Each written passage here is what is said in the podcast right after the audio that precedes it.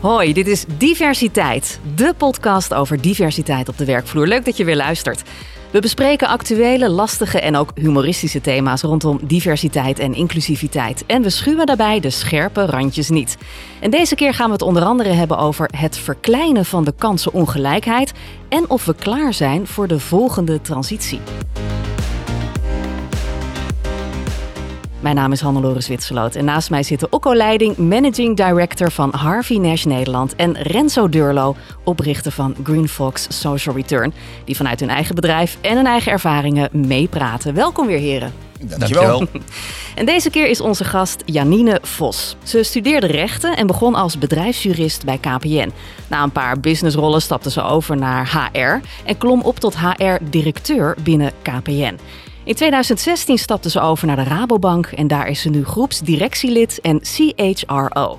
Daarnaast zit ze in de Raad van Commissarissen van KLM en in de Raad van Advies van SER Topvrouwen. Ze was CHRO of the Year in 2017 en in 2021 werd ze zelfs verkozen tot Topvrouw van het Jaar. Dus we hebben niet zomaar een gast vandaag. Janine, welkom bij eh, onze podcast. Dankjewel. Allereerst, wat versta jij onder diversiteit en inclusiviteit? Ja, wat ik een hele mooie omschrijving blijf vinden is diversiteit is dat je wordt uitgenodigd voor een feestje en inclusiviteit is dat je wordt uitgenodigd te dansen, maar eigenlijk nog eentje verder dat je echt wel onderdeel bent van de feestcommissie. En ik denk dat die begrippen hiervoor veel te nauw waren. Hè? Dus dat het mooi is dat je wordt uitgenodigd. Nee, je wil ook onderdeel zijn van de feestcommissie. Je wil ook de playlist samenstellen. Ja, welke playlist gaan we spelen? Maar ook um, ja, wie wordt er uitgenodigd? Weet je wel, bepalen um, of het een feestje is of niet. Wat er wordt gegeten. Ik denk dat dat het is. En vanochtend hoorde ik een hele mooie door Robert uh, Dijkgraaf, onze minister. Die zei, ook inclusiviteit is misschien te nauw, want dat betekent dat jij jezelf toch wel een beetje aanpast en dat jij ook macht wil. Waarom hebben we het niet over expansie? Want expansie is dat je samen beter wordt en vooruit gaat. Dus dacht, misschien wordt dat wel de nieuwe term. Dus niet meer diversiteit en inclusie, maar gewoon expansie. Dat je anderen nodig hebt om te groeien, om verder te komen. Wat mooi. Nou, dat Want is dat weer is een next level dan. Ja, Ik wou ja. zeggen, ja, andere, we hebben het al een paar keer eerder gehad over eh, eh, kleuren en, en, en disktesten en dat Ja. soort zaken. Inderdaad, hoe je elkaar kan aanvullen. Maar dit is een, weer een nieuwe variant. Ja, dat je elkaar nodig hebt om verder te komen. En helemaal in een wereld die steeds complexer wordt, heb je denk ik andere denkbeelden nodig. En dan ga je het ook weer vanuit de positieve kant bekijken. In plaats van dat iemand ergens recht op heeft of geen recht op heeft gehad tot nu toe. Dat je macht wil delen. Gaat het veel meer over als je ziet naar complexiteit, heb je meerdere invalshoeken nodig. En dan groeien we weer. We moeten het weer over groei hebben in plaats van over waar heb ik recht op. Ze nodigen je eigenlijk tegengeluid uit. Ja, om samen te groeien. Ja, ja. Ja. Oh, mooi. Expansie. Ik vond wel. Ja, hij is natuurkundige, dus hij kijkt ook anders naar dilemma's. Ik dacht, nou, dit is weer een hele mooie nieuwe. Ja, mooie beta-benadering bijna. Een bed. Ja, vind je niet? Ja. Ja. ja. Ja. Nou weet ik dat jij een groot voorstander bent van meer kansengelijkheid. Maar wat ik Ja. me nou afvraag, hè, waar komt bij jou die, ehm, die motivatie vandaan om je daar zo ontzettend hard voor te maken? Nou, ik denk dat diversiteit ehm, is heel vaak dat mensen denken dat het over die ander gaat die je kansen moet geven. Maar het gaat heel vaak over jezelf. Heb je zelf kansen gehad? Ehm, hoe voelde je jezelf als klein meisje? Ehm, en bij mij was dat dat ik me niet begrepen voelde. Eh, en dat ik werd, ik ben in een vrij ehm, orthodoxe omgeving opgegroeid. Waar ik nog wist dat ik op een verjaardagsfeestje kwam. Toen was ik 17 en toen gaf ik de vader eh, gaf ik een hand. En die zei, wat jammer eh, van mijn belastinggeld. En toen moest Hè? ik even Mhm. kijken en dacht ik, "Maar, van mijn belastinggeld? En hij zei het alle jaren totdat ik afgestudeerd was. Wat hij er eigenlijk mee bedoelde is wat jammer dat een vrouw studeert. Ik was ook de Oh, eerste eh, die ging studeren. Maar hij vond het gewoon jammer van het belastinggeld. Want vrouwen hoorden niet te studeren. Ehm, en nu, vanuit die gedachte, zou ik, zou ik nu heel anders reageren. Hoe zou je nu reageren? Ja, misschien zou ik weer hetzelfde reageren door niks te zeggen. Ik denk dat de fase tussen 25 en 45 eh, was ik vrij activistisch, denk ik. Had ik echt wel een. eh, had ik de neiging gehad om me met de grond gelijk Ja, te maken. Meteen hup die barricades op. Ik Gewoon, snap Ja, dat. ook goed. Ook Ja. goed. Gewoon zeggen wat ik ervan vind. Ik zou nu denken. Misschien door juist niks te zeggen. ehm, jou verander ik niet meer. Ik ga me, ik ga me richten Want als ik mijn boosheid aan hem geef, dan maak ik hem machtiger. Want dan zegt hij, ja, dat is die agressieve vrouw. Daarom horen ze niet in de top. Ehm, Ja, maar dan krijgt hij ook nooit een tegengeluid. nee, dat is Ja, maar eigenlijk heb je hem dan al opgegeven. Ja, nou, stiekem Als in zou ik zou ik deze- misschien toch nog wel.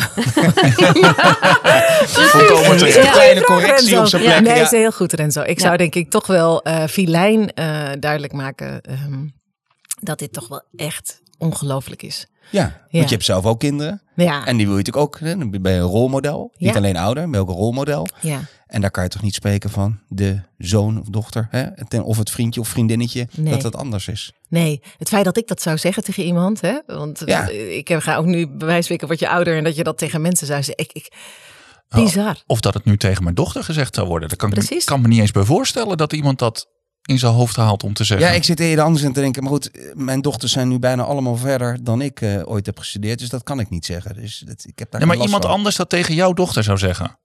Dat is toch gek?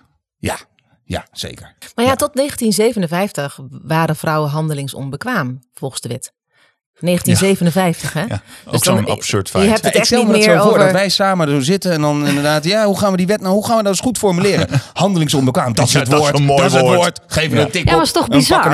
En dat, ik geloof dat tot 1975 mochten vrouwen niet eens zelf een auto kopen. Dan moesten ze toestemming hebben van hun vader eh, als ze geen partner Ja. hadden. Ja. Maar laatst, ik, zat, eh, ik was in de tuin bezig en ik hoorde een klein meisje zeggen... Mama, mama, ik wil een nieuwe fiets, ik wil een nieuwe fiets. En toen zei ze, ja, dat geld heb ik niet. Ja, maar ik wil een nieuwe fiets. Toen zei ze, weet je wat jij moet doen? Jij moet zorgen dat je later een rijke man trouwt. En ik dacht echt, wat? Ik was bijna over die schutting heen gesprongen. Om te zeggen, meid, jij gaat het later helemaal lekker zelf verdienen. Jij eens even Ja. opletten. Ja, en dan geef je je moeder ook een fiets. En toen dacht ik, anno 2023, hoe voeden we onze kinderen op? Ja, maar nog steeds 50% van de vrouwen nu ook zijn, niet, zijn financieel afhankelijk. Dus het gaat nog ineens over financieel onafhankelijk zijn, maar financieel afhankelijk.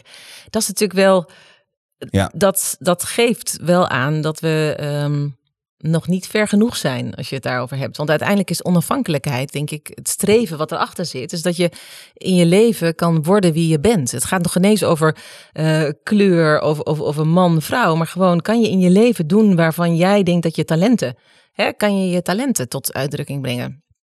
En dat heeft toch heel vaak wel te maken met identiteit, met een baan. Hè? Wat, wat, wat jij ook doet, hè, Renzo, is mensen identiteit geven. En ook dat ze zelfstandig en dat ze werk krijgen en dat ze ertoe doen.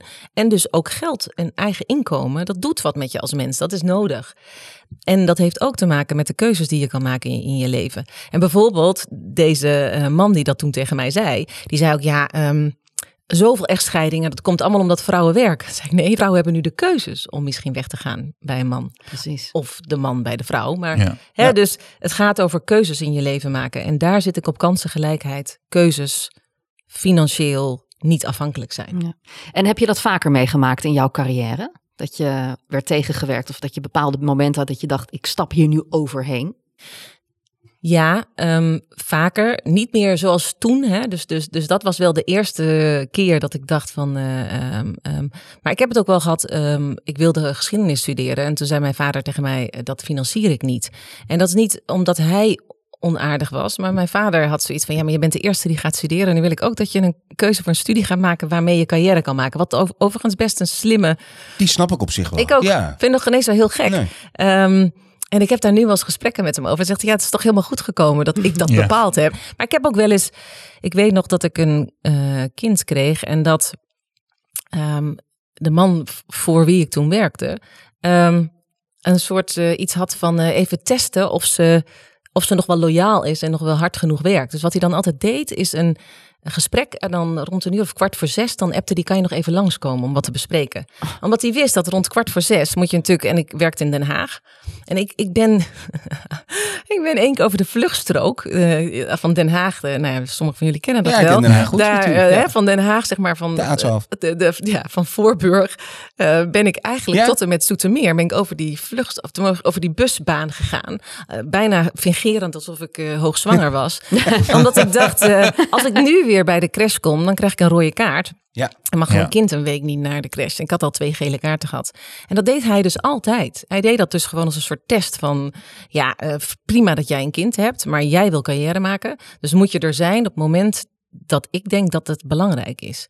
Ehm, Dat, dat, Ja. dat Ja. soort dingen Ja. heb ik wel gehad. Ehm, en nu kijk ik daarna en ben ik daar veel rustiger in mijn hoofd. Maar dan kan je je echt druk. Maar ik dus kan me dus ook heel. De zorgtaak, dat ligt niet allemaal bij de man. De zorgtaak is ook wel dat wij dat voelen als vrouw op een andere manier dan een man. Ik, ik zit daar echt niet in dat een man, eh, man en vrouw moeten dat samen doen. Maar het schuldgevoel is gewoon bij mij groter. Heel herkenbaar. Ja, Ja. dat hoor je vaker, ja. En, Ja, denk- en, en, en ik probeer dat te, te, ook in mijn hoofd een soort balans te geven. Maar dat schuldgevoel is bij mij gewoon Ja, groter. het zit erin gebakken. Maar hoe kan je dan... Je, je hebt nu eh, eh, invloed op ruim 40.000 mensen. Ja. Hoe neem je dat mee in zo'n grote organisatie dat, dat, in dit geval vrouwen, de ruimte voelen om niet snel naar de crash toe te gaan? Want cultuur ja. is natuurlijk zo sterk en dat verandert niet overnight. Nee, maar ik denk dat je wel een, een ik heb een enorme invloed op de cultuur. Dus, Mhm. dus heb je het over dit soort thema's, ehm, geef je vrouwen aandacht, de goede aandacht. Kijk, ik denk eh, bijvoorbeeld, we zien dat een vrouw na het krijgen van een tweede kind eh, het snelst weggaat. Dus dat is in Nederland is dat eh, überhaupt zo, ook na het eerste kind. Dat is ook wel heel interessant. En na het eerste kind gaan vrouwen over het algemeen al minder werken. Vanochtend sprak ik Annette Mosman, die mij opgevolgd is als topvrouw van het jaar. En die zei, het is gewoon heel kenmerkend dat het moment dat je gaat kiezen om minder te gaan werken, is zo bepalend voor je rest van je loopbaan. Ja. En vaak kies je dat op korte termijn, want je bent moe, je hebt korte nachten, Ja. ehm, je hebt ruzies thuis. Hè? Ehm, Wie ja, haalt op? dochters Ja. dit. Ja, en dan je- tegen elkaar staan schreeuwen om drie uur s'nachts. Ruzie precies. maken wie eruit moest. Maar het is ook gewoon foltering. Kinderen, kijk, Ja. naar, kijk naar foltering in de oorlog. Wat is dat? Heel veel geluid en weinig slapen. Ja. Ja. Nou, Ja, nee, maar inderdaad, als je dan zo, pamper. zo halverwege de 30 bent, dat, dat zijn natuurlijk de momenten in, in je carrière dat je meters moet maken. Helemaal waar. En, en eh, we hebben daar onderzoek naar gedaan. En wat blijkt nou is dat ehm het eerste kind is op zich nog te doen. Ehm, maar het tweede kind. je verkoopt het wel hè, aan Ja. aankomende, aankomende nee, moeders. maar voor heel veel vrouwen is het eerste kind nog te managen in de zin van eh, thuis. En, maar dan komt een tweede kind en dan moet bijvoorbeeld de een naar de crash en de ander heeft nog een oppasmoeder thuis. Of het slaapje van de een deed je s'avonds nog heel snel wat. Of nu heb je twee kinderen die s'avonds ehm Ja. Huilen. En dat dus heel vaak dan de keuze wordt gemaakt om weg te gaan. Want een van de redenen waarom die vrouwen ook afhaken, is niet alleen maar dat ze die zorgtaken hebben, maar dat ze zien dat die mannen die er niet twee keer vier maanden uit geweest zijn, carrière maken op de plekken waarvan zij zeggen, die had ik willen hebben. Ja. En dat mensen dan toch niet zeggen, Nieuwe ja, nu, nieuwe kansen. nu en manager worden en net moeder zijn en net op het verlof terug. Uit protectie Ja. Laten we je maar even zitten. En vrouwen steken hun hand niet snel op met die functie wil ik. Dus daar, dat soort dingen heb ik invloed op. Ja, En daar kan ik dingen in veranderen. En dat vind ik echt tof. En dat doe ik ook. Ehm, vrouwen benoemen. Eh, ook wel commissies die vrouwen benoemen. Altijd zorgen dat daar vrouwen tussen zitten. Ja. Ja. Het is ook wel grappig, je zegt protectie. Heeft dus iemand het gevoel dat hij iemand anders moet beschermen. Precies. En, en, en daar vallen we alweer in een rollenpatroon wat Helemaal helemaal nergens op slaat. Ja. Nee, Ja. maar dat heb misschien jij. Sommige mannen die zeggen: Ik had een zusje vroeger. Hè, en die hebben dat nog erger. Hè, dus dan, dan maar even in de valkuilen van de psychologie. Die hebben ooit Ja. een zusje gehad. En dan zei die ouders: zeiden ook: Pas jij op je zusje? Ehm, Ja. Oh ja. jee, ik, En dus- ik voel nu al een Ja, want ik heb oh, twee ja. zusjes en vijf vrouwen thuis. Dus ik val in elke valkuil volgens mij. hier. maar dat ik mag is- niks. Nee, maar je mag alles als je jezelf maar Oh, bewust mooi. bent dat je, dat je dat. Kijk, eh, jullie zijn daar al, hè, dat je bewust bent dat je een bepaald patroon hebt. Uiteindelijk is er Ja, niks eens. mis met vooroordelen. Er is ook niks mis met een opvoeding waar je dingen meegekregen hebt die misschien nu niet meer zo normaal zijn. Zolang je dat maar bewust bent. Want als je je bewust gaat zijn dat we allemaal vooroordelen hebben, dan pas ga je er, denk ik, naar handelen. En als je zegt, nee, ik zie geen kleur, ik zie geen handicap, of ik zie geen ehm, Ja. Ja. man of vrouw, dan denk ik, wat een Onzin. Ja. onzin. Ja. Mijn, mijn zoon gaat wel blij met je zijn. Want die hoeft nou niet meer op zijn zusje te passen. dat, kan, kan ik nou niet meer van hem vragen. Nee, maar de, de oudere kan toch wel op de jongeren passen? Ja, Ja, maar die zit allemaal op TikTok, Ja. joh. Die zit niet op een podcast te luisteren van oude mannen. Nee joh. nee, maar dat is ook de oudere zus trouwens. Het is meer de patroon, Ja. je familie. Ik kom telkens meer, hoe ouder ik word, ik besef me dat, dat, je, dat je jeugd en hoe je bent opgegroeid is zo van invloed Ja. op bijna alles. En Ja. daar hebben we het heel vaak niet over. Dus we gaan het heel vaak over rationele dingen hebben. Terwijl op de werkvloer iedereen neemt zijn eigen shit mee. Hè? Dus iedereen neemt zijn eigen verleden mee. Zijn zorgen, wat er 's ochtends thuis gebeurd is. En op een of andere manier ga je een gebouw binnen of je doet Teams aan of Zoom. Ja. En ineens ben je die werknemer. Ja. Ja. Ja. Zo werkt het niet. Eens. En het zou mooi zijn als je dat kan zijn, wat je bent. Want ik denk dat dat uiteindelijk hebben we het over een great place to work. En uiteindelijk gaat het over een great place to be. Waar je kan zijn om natuurlijk te werken, maar dat doe je door jezelf te kunnen zijn. En dus is diversiteit en inclusie niet iets leuks om te hebben, maar wil je een succesvol bedrijf zijn, is het een must. Hoe, hoe ver zijn we in dat proces, volgens jou? Hoe doen we het? Op de dagen dat ik heel positief ben, kijk ik naar alle cijfers die goed zijn. Dat de top steeds meer eh, stijgt. Dat we een battle for talent hebben en dus steeds meer breder gaan kijken. Eh, dat steeds meer bedrijven denken, we willen hier wat mee en wat dan? Eh, raden van commissaris, een wet die erdoor gekomen is. En op de dagen dat ik denk, jeetje, het is 2023. En we zijn nog steeds bezig om iedereen in hokjes te plaatsen. En, en daar maak ik me wel steeds meer druk om. Dus ik vind diversiteit heel goed. Ik vind ook goed dat we steeds meer aandacht voor verschillende groepen hebben. Maar ik denk dat we straks weer terug moeten naar daarboven overheen is eigenlijk wat we allemaal willen, is gezien worden. En mens zijn. En ik zie in onderzoeken steeds meer komen, is ik wil niet in een hokje. Ik wil gewoon als mens worden behandeld. En ik denk, ik hoop weer dat we daarna teruggaan. Uh, en denken, we zijn allemaal mens. Want iedereen weer in een hok plaatsen geeft ook weer polarisatie aan. En voordat je het weet, ga je weer allemaal in jouw bubbel ook in het bedrijf bewegen. Mhm. Um, En als je het nu vergelijkt van 0 tot 100 procent, uh, zeg maar toen was het 100 procent fout. Hoeveel procent zitten we dan nu uh, de goede kant op? 50. 50. Oeh. Hmm. Dat is niet zo, eh, meer. Ja, dat is niet zo Ja. riant. Aan de andere kant, jij, jij zegt het ook in een interview, hè? We, zijn, we zijn nog niet klaar voor de volgende transformatie. Nee. Ehm, aan de andere kant, een transformatie eh, eh, brengt ook heel veel kansen met zich mee. Eh, waar zitten in jouw optiek de kansen voor diversiteit en inclusie in de volgende transformatie? Ja. De reshuffle, of hoe we het ook noemen. Eerst, eerst nog terug naar die vragen, want ik zou het liefst willen zeggen 80% hè, op de vraag van waar zijn we. In mijn bubbel denk ik dat we op 80% zitten, want ik spreek weer heel veel mensen. Kijk, zoals vanochtend had ik een topontbijt uh, en dan zie ik, zie ik heel veel diversiteit. Vanmiddag zit ik bij de SER en daar zitten ook weer allemaal mensen die naar naartoe komen. Maar dat zijn de mensen die al binnen zitten, die dit al vinden. De mensen die naar deze podcast waarschijnlijk luisteren, zijn daar al mee bezig. Ja. De realiteit is ook, we hebben net onderzoek gedaan met Rabo Research, dat heel veel bedrijven, we hadden dat onderzoek niet naar divers, we hadden niet gezegd het gaat over diversiteit, want dan geeft iedereen wenselijke antwoorden. We hadden gezegd het gaat over brede welvaart. Dus dat doen we nu een hele grote research over, over brede welvaart. En daar kijken wij, wij kunnen ook bij die bedrijven zien hoe succesvol zijn ze. En een van die vragen, van de vele vragen, gaat over een diepte in uh, diversiteit. Gaat gewoon over Geloof je in diversiteit? Wat doe je eraan?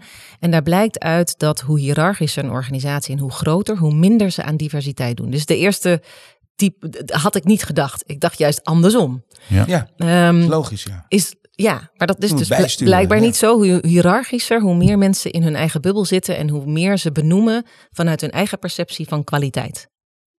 oké. Hè, dus het eerste connect ik ook met vrouwen, want ik ben een vrouw. Dat is gewoon logisch. Logisch. Ja. Dus het liefst zou ik tegen je, weet je, ik zeg ook tegen jou, wat heb jij een mooie stem, of het zijn je ogen mooi. Nee, maar dat Ja, is gewoon. je, je zag de gekwetstheid Ja. bij elkaar net. ik zag Ja, de niet. We zijn er inmiddels overheen. Ja. Jullie hebben ook mooie ogen hoor.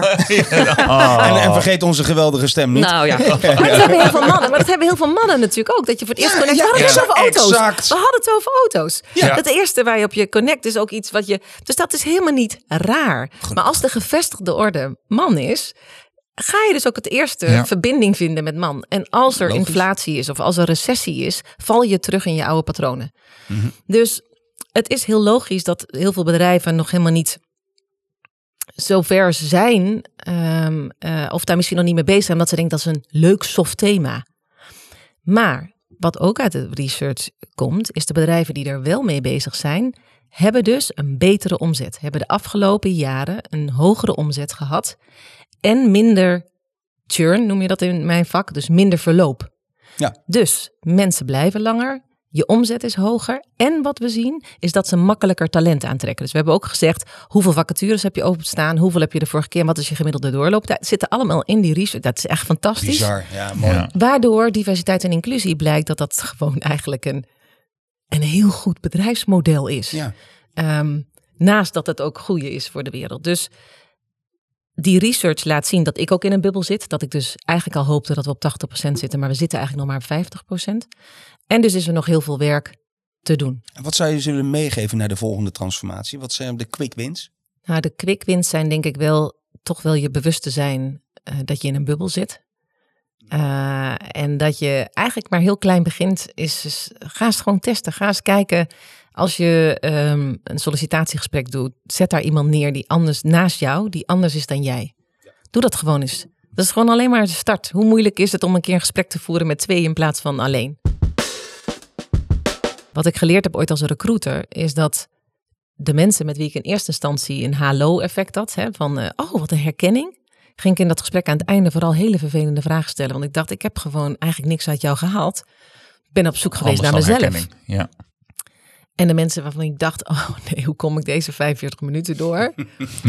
dacht ik, ja, die ga ik makkelijke vragen stellen of op, op gemak vragen. En dan kwamen er vaak hele andere antwoorden uit. Dus uiteindelijk gaat bijna elk gesprek over jezelf. Mooi. Ja, Heel mooi. Ja. wat bizar dat, dat je dan toch blijft spiegelen. Hè? Altijd. Ja. Ja. ja. Altijd. Ook in de media, als iets je raakt, is iemand direct bijna in een bakje. Ja. Van wat irritant of, of wat racistisch of wat. Ja. Ja, ik probeer de laatste tijd daar wel over na te denken van waarom doet diegene dat met me? Ja. Ja. ja, waarom raakt diegene precies die pijnpunten bij jou? Ja, Ja. Ja, of waarom herken je zeg maar de vervelende eigenschappen in iemand die je zelf eigenlijk ook hebt? ook. Ja. Ja, heel irritant. Ja. Nou, dat, Nee? dat herken ik niet. Nee. Nee? Oh. Eigenschappen? Nee. Heb je die niet? Nee.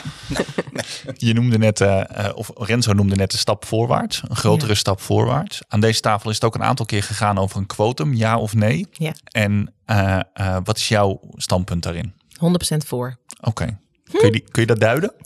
Nou, waar geen wil is, is een wet. Oké. Dus ehm, ja, dat.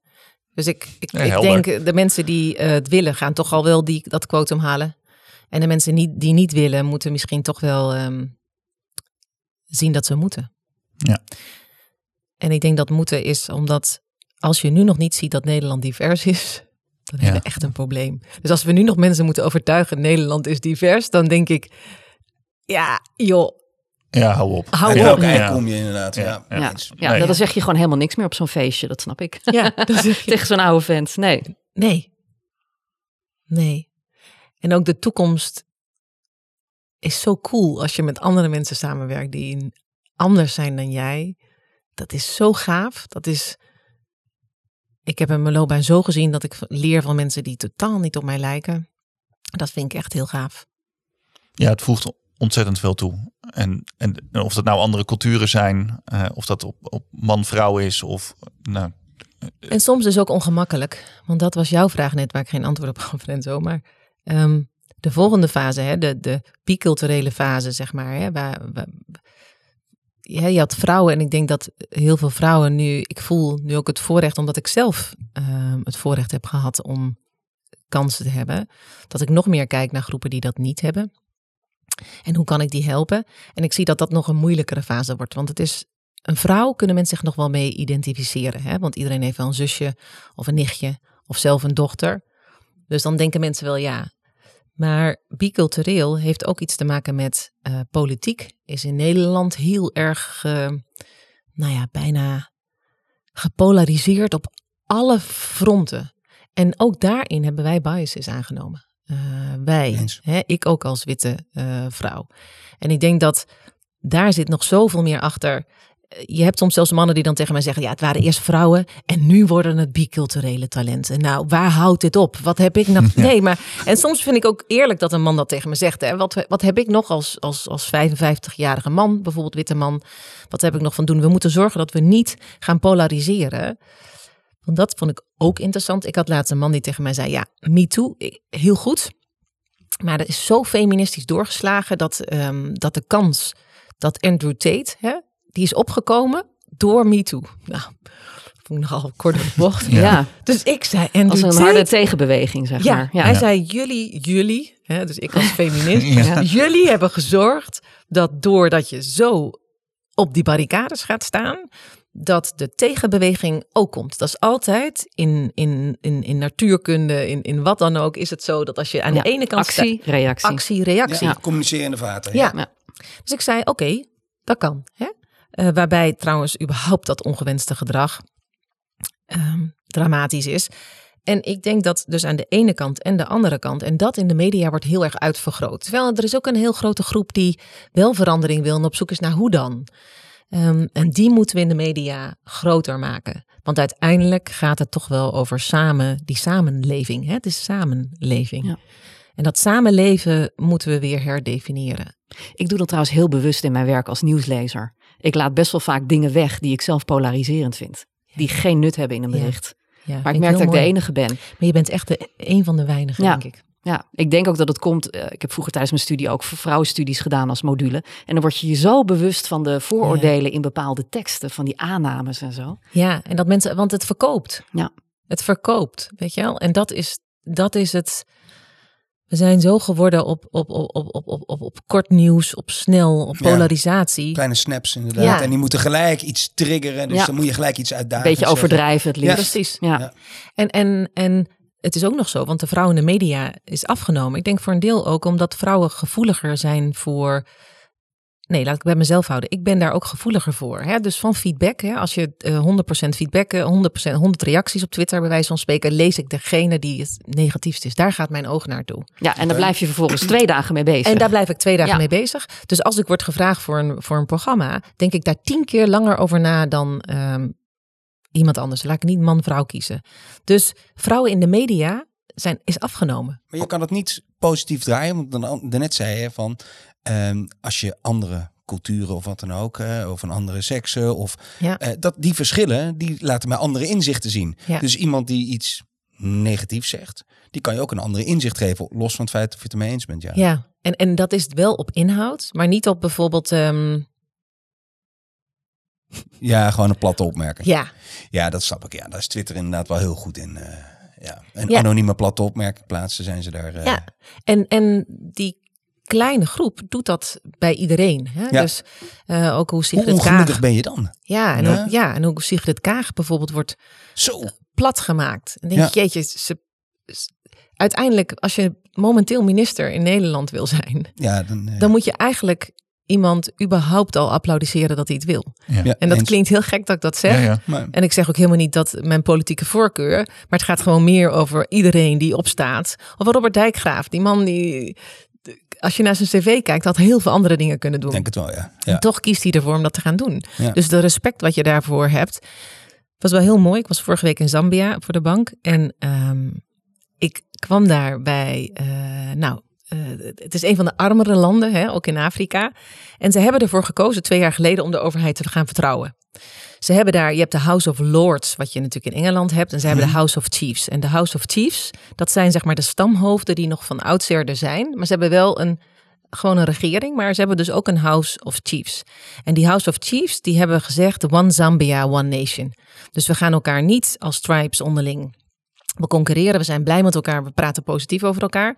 En twee jaar geleden waren ze het niet eens met de overheid en hebben ze gezorgd, eigenlijk als heel Zambia, de mensen die kiezen, hebben gezorgd dat er een nieuwe regering kwam. En die geven ze de, de tijd om succesvol te zijn. Nou, als, als ik daar een half Ja. jaar zou zijn, zou ik elke dag klagen, want er is geen elektriciteit, er is geen water. Eh, en je zou de hele dag kunnen zeggen wat er niet goed is. Maar de mensen praten alleen maar over hoop. De liedjes die worden gezongen, ik was, ik was bij coöperaties en ehm, trouwens 80% van de, boer, van de boeren is vrouw. Wat hilarisch was, is dat, ik, dat ik daar dus kwam en vroeg dus, ehm, hoe, hoe is dit zo gekomen? Ja. En toen zei ze tegen mij, hoe is het zo gekomen dat in Nederland 80% van de boeren man is? Ja. En ik dacht, Ja. hè, als je het weer hebt Ja. over een perspectief. eh, ik heb Ja. zoveel geleerd in Zambia. En ook, weet je, ik laat de armoede als je absoluut niet, eh, die is er. Hè? En hun manier van kijken naar de toekomst was zo positief. Gewoon de hele dag eh, ging het ook over morgen. Niet over wat vandaag was of gisteren of wat ik kwijtraak. Het was morgen wordt het beter. Want morgen voor onze kinderen maken we het beter. En dan moeten we vandaag dit doen. En de overheid doet dit en ik doe dit. En ik, eh, doe, ik wil leren. Heel veel coöperaties. ehm, en dus die coöperaties gaan dus over leren. De hele dag. En ik zei dus tegen die vrouw, dat is een boerin, eh, die was gekozen door 1300 boeren om de baas te zijn. Dus ik zei, hoe hebben ze jou gekozen? En toen zei ze, I lead by example. Punt. Gewoon verder niet heel Ik heb veel. boerderij, waar heb je het over? Klaar. Ja. Ja, ik ben gewoon de beste, Ja, zei ze. en ik zei, luisteren mannen Nice. en vrouwen naar jou. En toen keek ze me zo aan van, hoezo? Ze zei, ja, maar ik ben de beste. Ja. Klaar. Ehm, klaar. En toen zei ik, en waarom ben je dan de beste? En toen zei ze, ja, ik probeer dingen uit. Ik wil niet monocultuur. Ik pla- ik plant extra bomen. En dan zien ze dat ik die schaduw heb en dat mijn crops daardoor beter gaan. En Ja. die bomen hangen water. En dus in de zomer is er meer water. En ze zei, en dan ga ik dus langs de boer. En dan zeg ik, ik zou ook als ik jou was dit planten. En zo krijgen ze een lerende cultuur. Mooi. En ik dacht, ehm, wat kan ik er nou allemaal uit meenemen? Toen dacht ik, in Nederland zijn we zo individualistisch geworden. Maar van elkaar leren en van elkaar beter worden. Ja, dat denk ik wel dat we een beetje verloren zijn.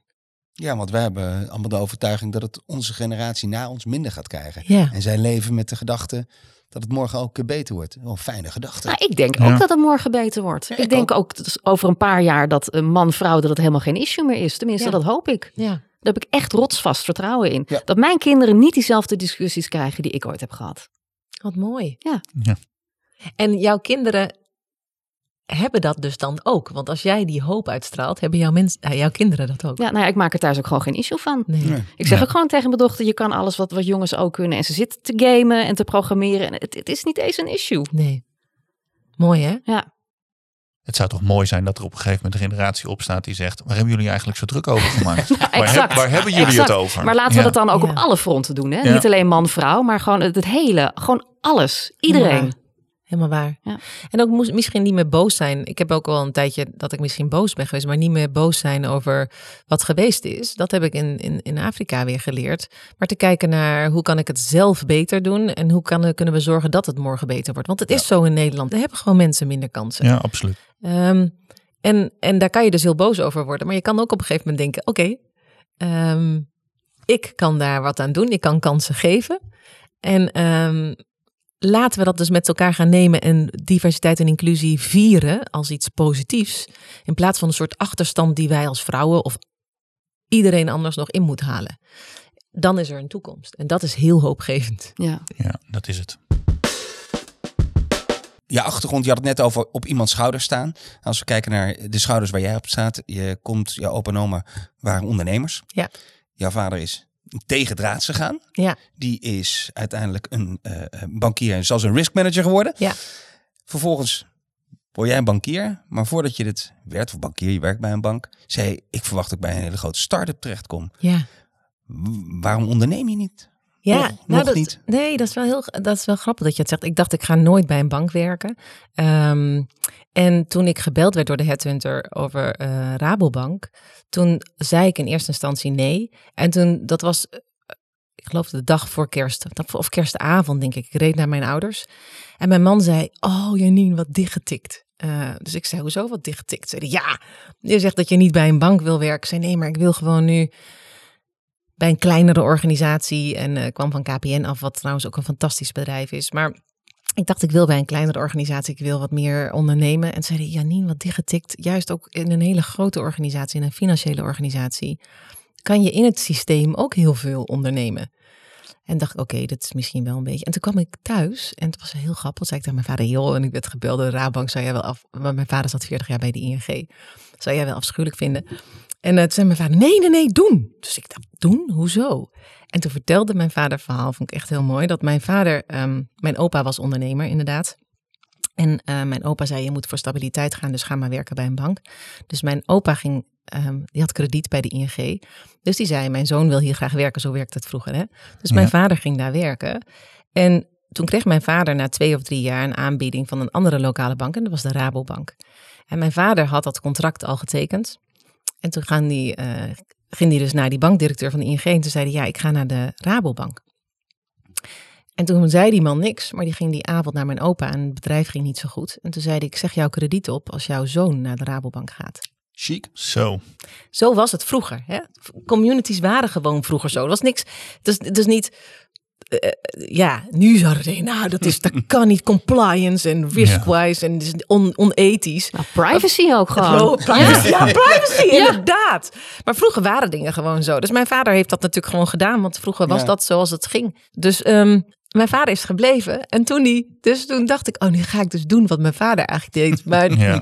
ik dacht, uiteindelijk kom ik dus altijd weer terug in mijn, in mijn eh, leven dat ik dus ga doen wat mijn vader doet. Ik heb rechten gestudeerd, ik eh, werk bij de Rabobank, maar zo is het echt niet. Ik, eh, eh, ik vind het wel heel fijn dat mijn vader waardering voor me heeft.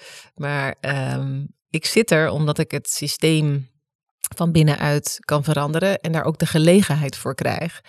En ehm, ik krijg heel veel kans om een mooie organisatie te bouwen. En dat is ja, wat ik uiteindelijk heel erg gaaf vind. En ondernemen kan je dus ook in een heel grote context. Al is het wel anders Mooi. dan, dan wat jullie doen. Mooi. Tot slot, voor iedereen die nu luistert, heb je nog een, een, een korte tip om diversiteit en inclusiviteit meteen te bevorderen binnen je bedrijf? Ik zou zeggen, wie kan jij vandaag jouw deur openen? En dat kan iedereen. Dat heeft niks te maken of je top bent of manager bent. Wie kan jij vandaag helpen? Dus de eerste mail die je binnenkrijgt waarin iemand vraagt om hulp, help die. En denk niet van heb ik geen tijd voor wat dan ook. Ga daar een gesprek mee aan. Dus open een deur voor iemand. Want diegene opent ook weer een deur voor een ander. Ehm, en wij hebben allemaal de dingen die we hebben, doordat we op de schouders staan van mensen die ons weer kansen gaven. En als je dat nou niet doet in je eigen bubbel, maar juist iemand die of op LinkedIn je mailt en denkt, oh nee, weer zo iemand die. Nee, open die deur voor iemand. Pay it forward. Is dat is wat je daarmee zegt? Ja. Ja. Dus denk groot, maar reageer klein. Mooi. Prachtig. Ja. Dat wordt een tegeltje. Janine Vos, bedankt voor dit gesprek. En eh Okko en Renzo natuurlijk ook weer bedankt. En jij bedankt voor het luisteren en graag tot de volgende aflevering van Diversiteit. En dan hebben we als gast Jacco Vonhof, onder andere voorzitter van ondernemersorganisatie MKB Nederland. Volg Harvey Nash en Green Fox via de socials en volg onze podcast Diversiteit via de website, zodat je niks hoeft te missen. En die website is diversiteit.com en dat schrijf je met een lange ei en een dirk op het eind.